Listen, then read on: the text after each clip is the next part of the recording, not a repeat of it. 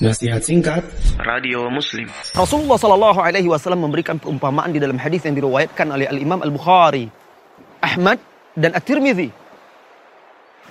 Mathalul qaim ala hududillah wal waqi'i fiha kamathali qaumin istahammu ala safinah. Perumpamaan orang-orang yang menegakkan hududullah, syariat Allah, agama Allah dan orang yang melanggarnya seperti sekelompok orang yang diundi untuk menaiki kapal. Fa'asaba ba'duhum a'laha wa asaba ba'duhum asfalaha. Sebagian mendapatkan tiket undian tempat di bagian atas, sebagian lagi mendapatkan tempat di bagian bawah. Orang-orang yang berada di atas bebas mengambil air.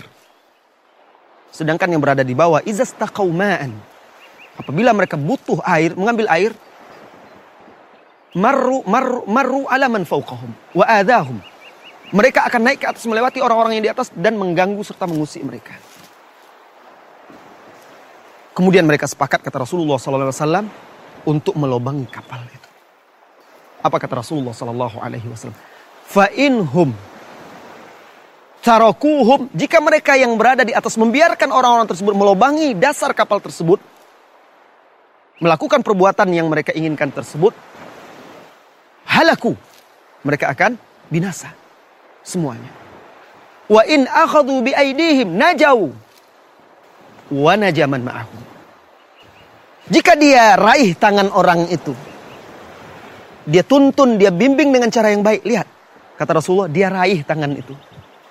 Bagaimana kalau kita raih tangan seseorang? Dengan cara yang baik, kita tuntun, kita bimbing maka dia akan selamat dan orang-orang yang bersamanya akan selamat. Ini perumpamaan.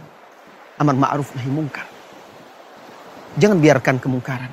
Jangan biarkan saudara kita tergelincir. Robah, tetapi robah dengan cara yang baik, yang arif.